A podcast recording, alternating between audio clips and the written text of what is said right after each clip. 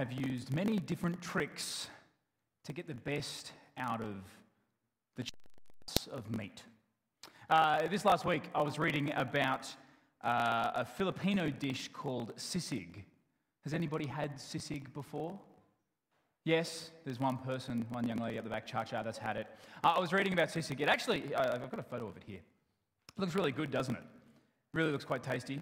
Uh, this has uh, lots of spices, vinegars. It's, a, it's quite a sour type of Filipino dish.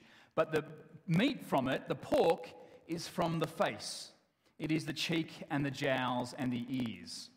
Uh, and you know what?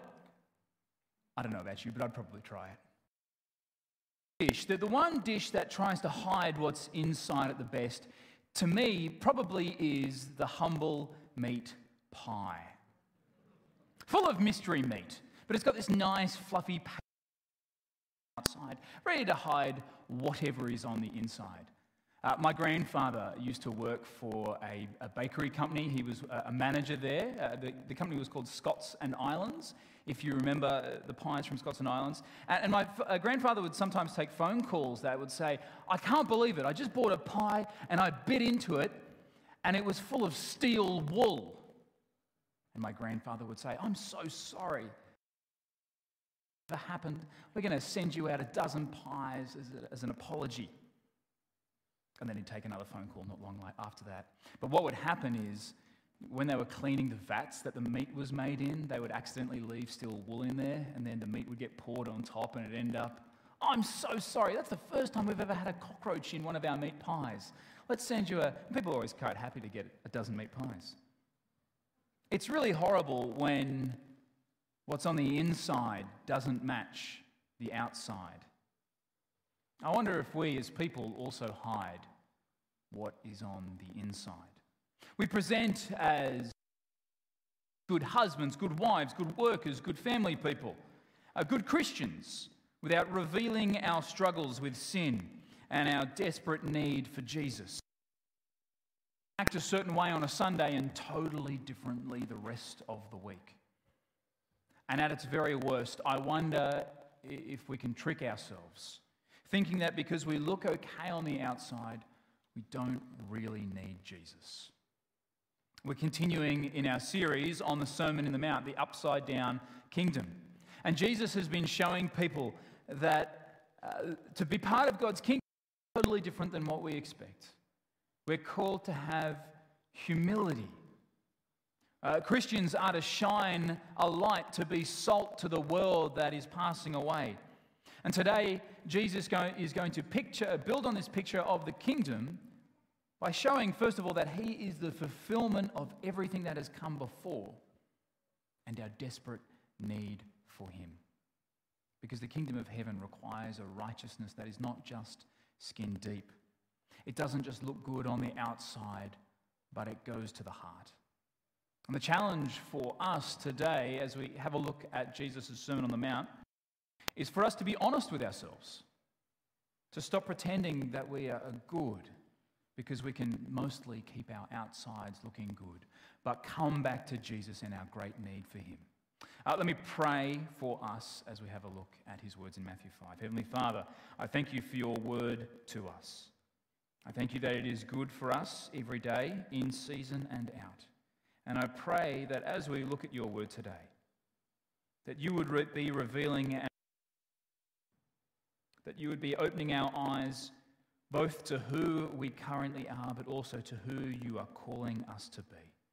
We pray this in Jesus' name. Amen. Uh, two points today. Uh, if you are taking notes, and let me encourage you to take notes. Uh, the first point is that we are fulfilled by Jesus, uh, fulfilled by Jesus, and the second is that we need Jesus. We have a need for Jesus. Jesus says in verse 17, have your Bibles open. The, the verses will be on the screen, but uh, you can have your Bibles open too. Verse 17 Do not think that I have the law or the prophets. I have not come to abolish them, but to fulfill them. Jesus is radically saying that the whole Old Testament has been pointing to him and the prophets. This is a, a way of summing up the entire Old Testament. The day would come when Jesus would arrive. And every small thing from verse 18, every small thing, every dot and iota, every least stroke of the pen is about Jesus. Jesus is clear. He, he's not coming to get rid of the law, but to reorient people back to God.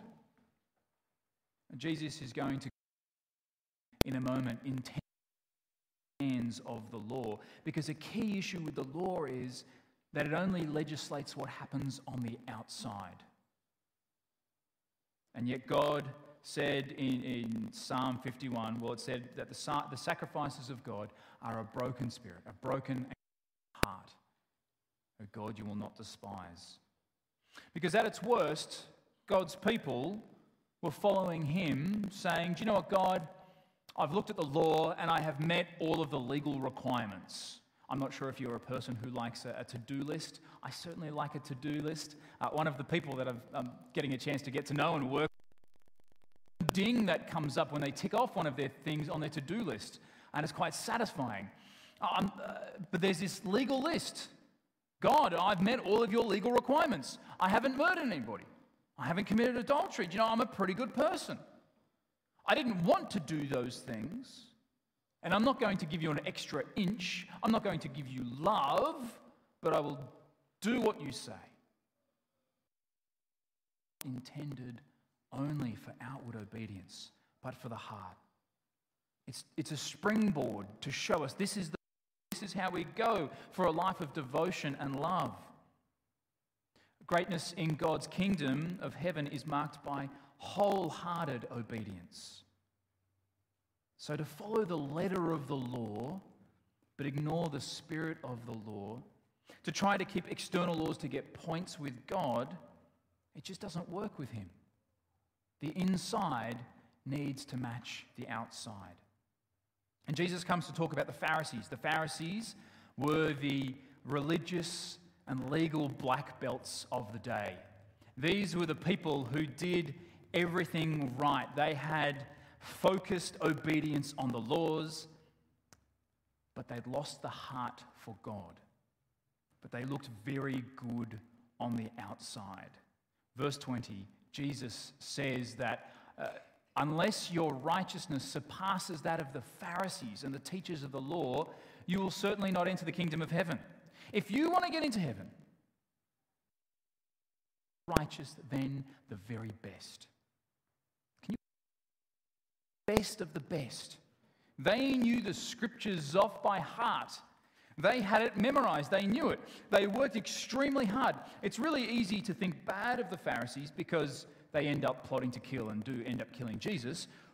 But they're also working really hard, night and day, in all aspects of life to obey God.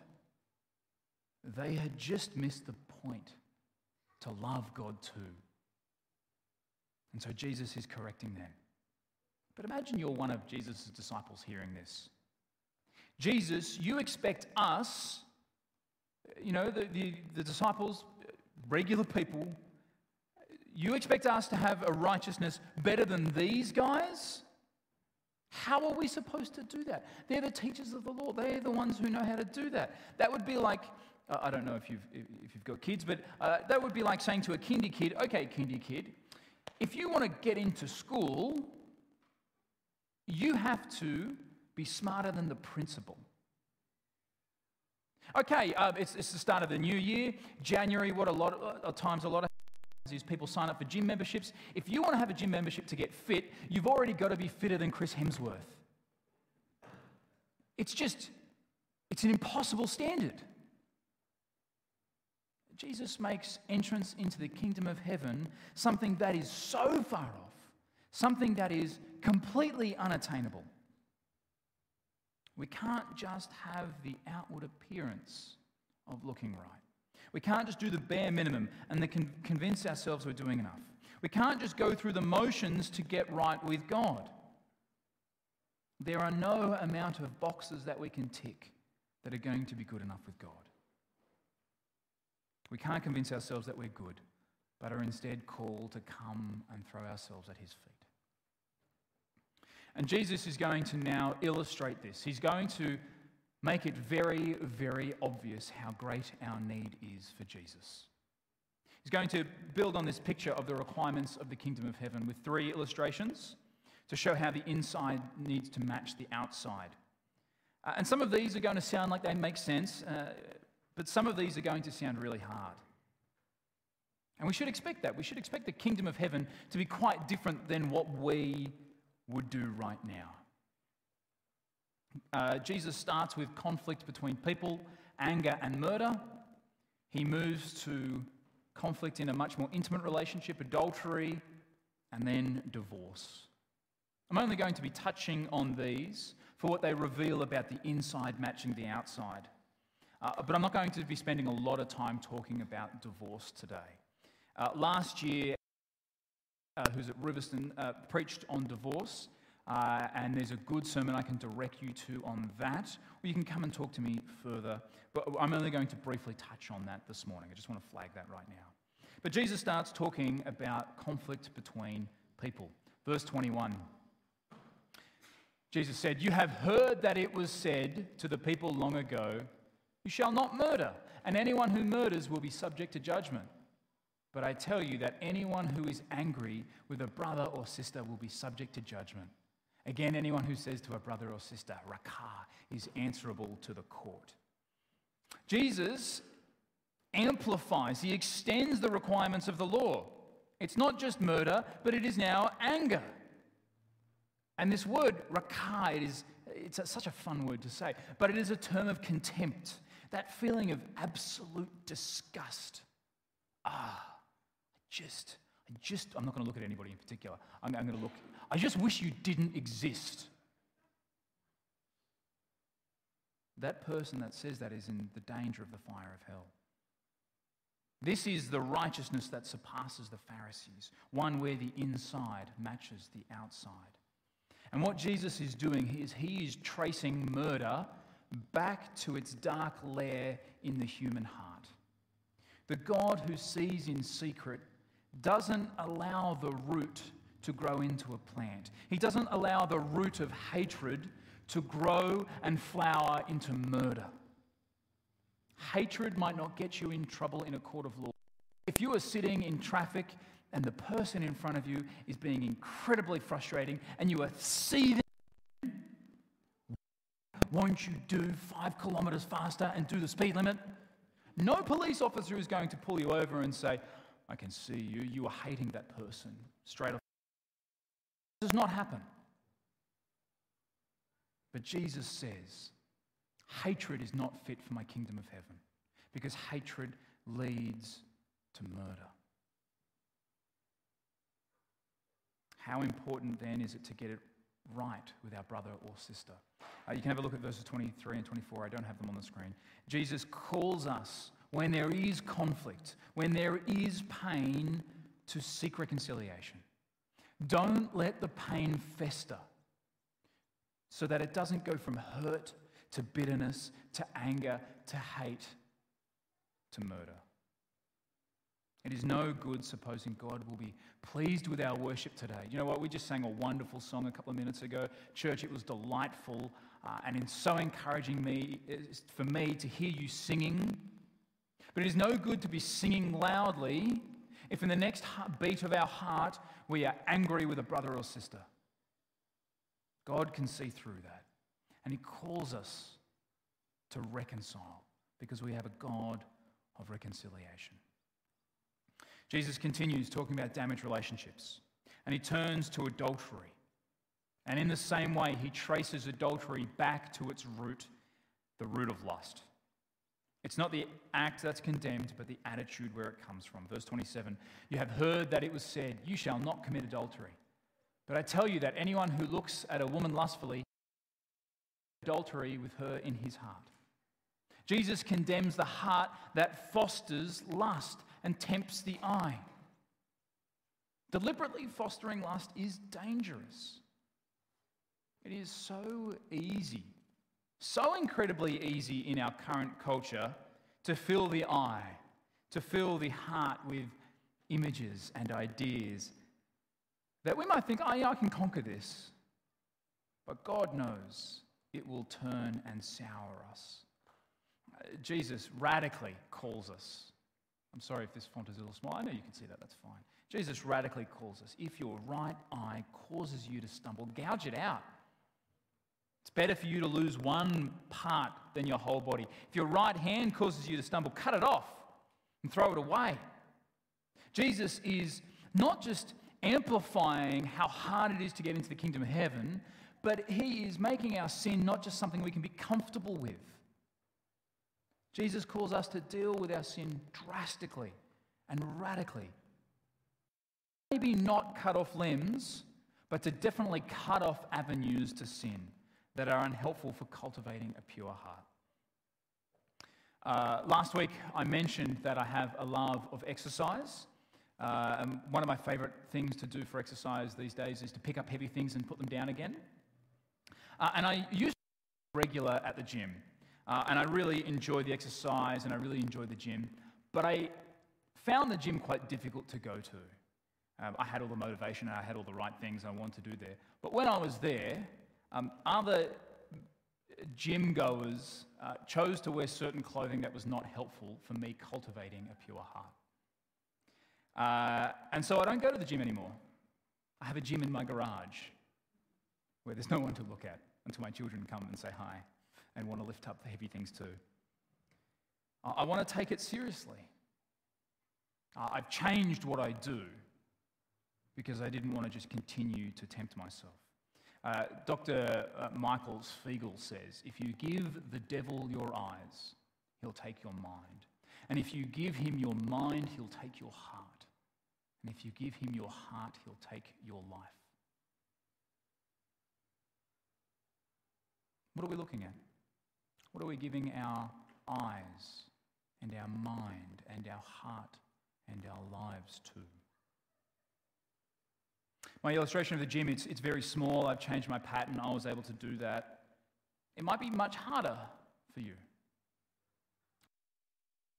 To, to cut off, to pursue purity and love for God, and not just continue to allow and excuse.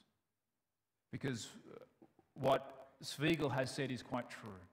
What we fill our eyes and our minds and our hearts with, those things we will love. Uh, Jesus then very briefly turns to divorce. Firstly, I'd like to say that uh, if you are divorced, you, you are not tarnished, you are not damaged goods, you are loved as part of our church and our community here.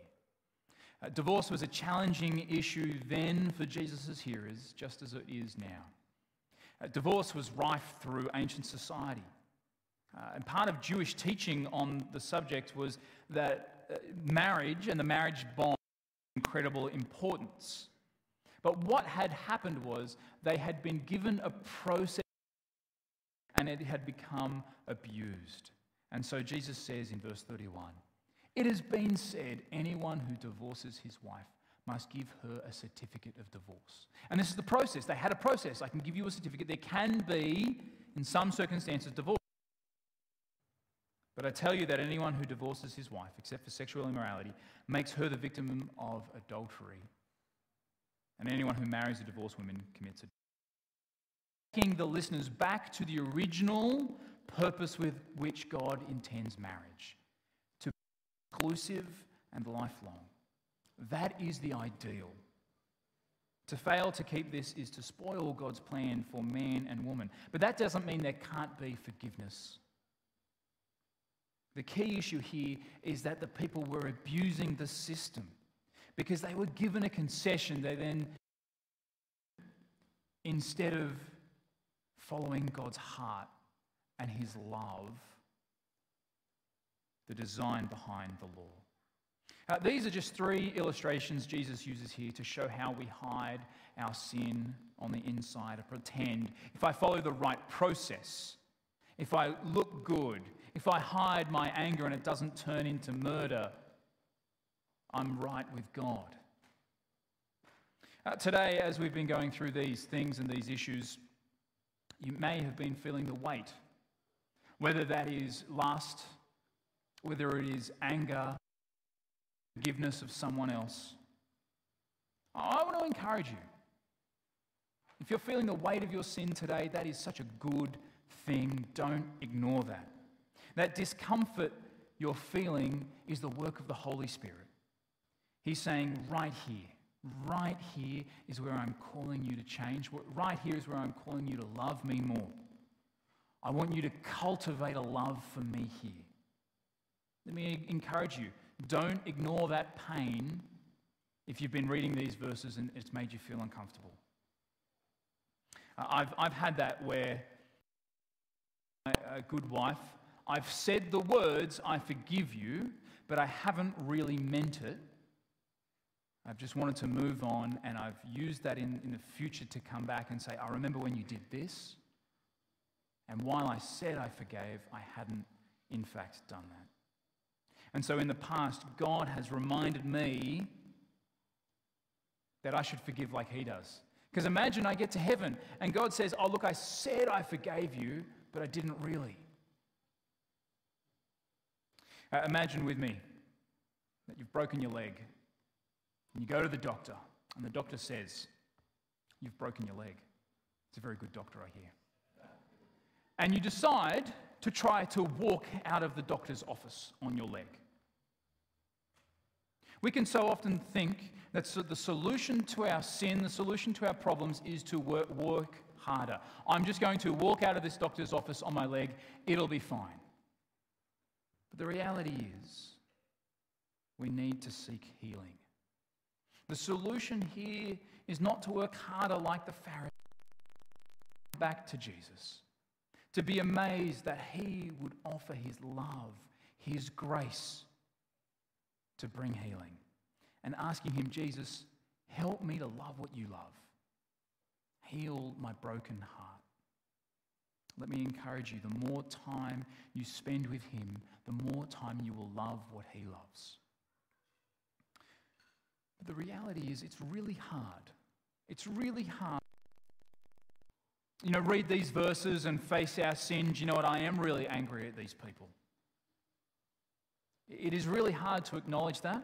It's really hard to willingly ask Jesus to change. And I worry that in that situation, we can run the risk of tricking ourselves that actually, I'm not that bad. I don't need to change. God still loves me. And then we just become the modern version of the Pharisees, appearing to do everything right. I go to church. Uh, you know, at, at, home we have Christian music. We, you know, I work really hard for my family. Person. But we run the risk of tricking ourselves into having a hollow faith. If you've read these verses today and didn't realize that these were talking about you, well, they, they, that should be a warning sign right there. That would be like sitting in a house that is on fire, it's burning around you, and you're sitting there in your t shirt and shorts and thinking, oh, I'm in a t shirt and shorts. I'm pretty cool in this outfit. It is diabolical to not realize how deep our sin is. Church, Jesus did not just die, He did not die so that we could be a little bit more comfortable, to make our lives a little bit better but he died because he knew how desperate we are for him. Uh, I'm still very new. This is my third Sunday. I'm still working hard to get to know you, to get to know names. Please be kind to me as I do that. Have your name tags on, I can see so many of them on. But while I don't know you that well, Jesus knows you. He knows you deeply. He knows what is on the inside to hide from other people. But the wonderful truth of the gospel is that despite him knowing what is on the inside, he continues to love. He willingly went to the cross because of his love for us. Let me pray for us. Heavenly Father, thank you for your word to us today. Father, we ask that you would help us not to hide from our own sin. Bring us back to Jesus. Heavenly Father, uh, we ask that God, comfortable or complacent this morning, remind us of our great need for Jesus. We thank you that we can know you because of him and of your great love for us. We pray this in Jesus' name. Amen.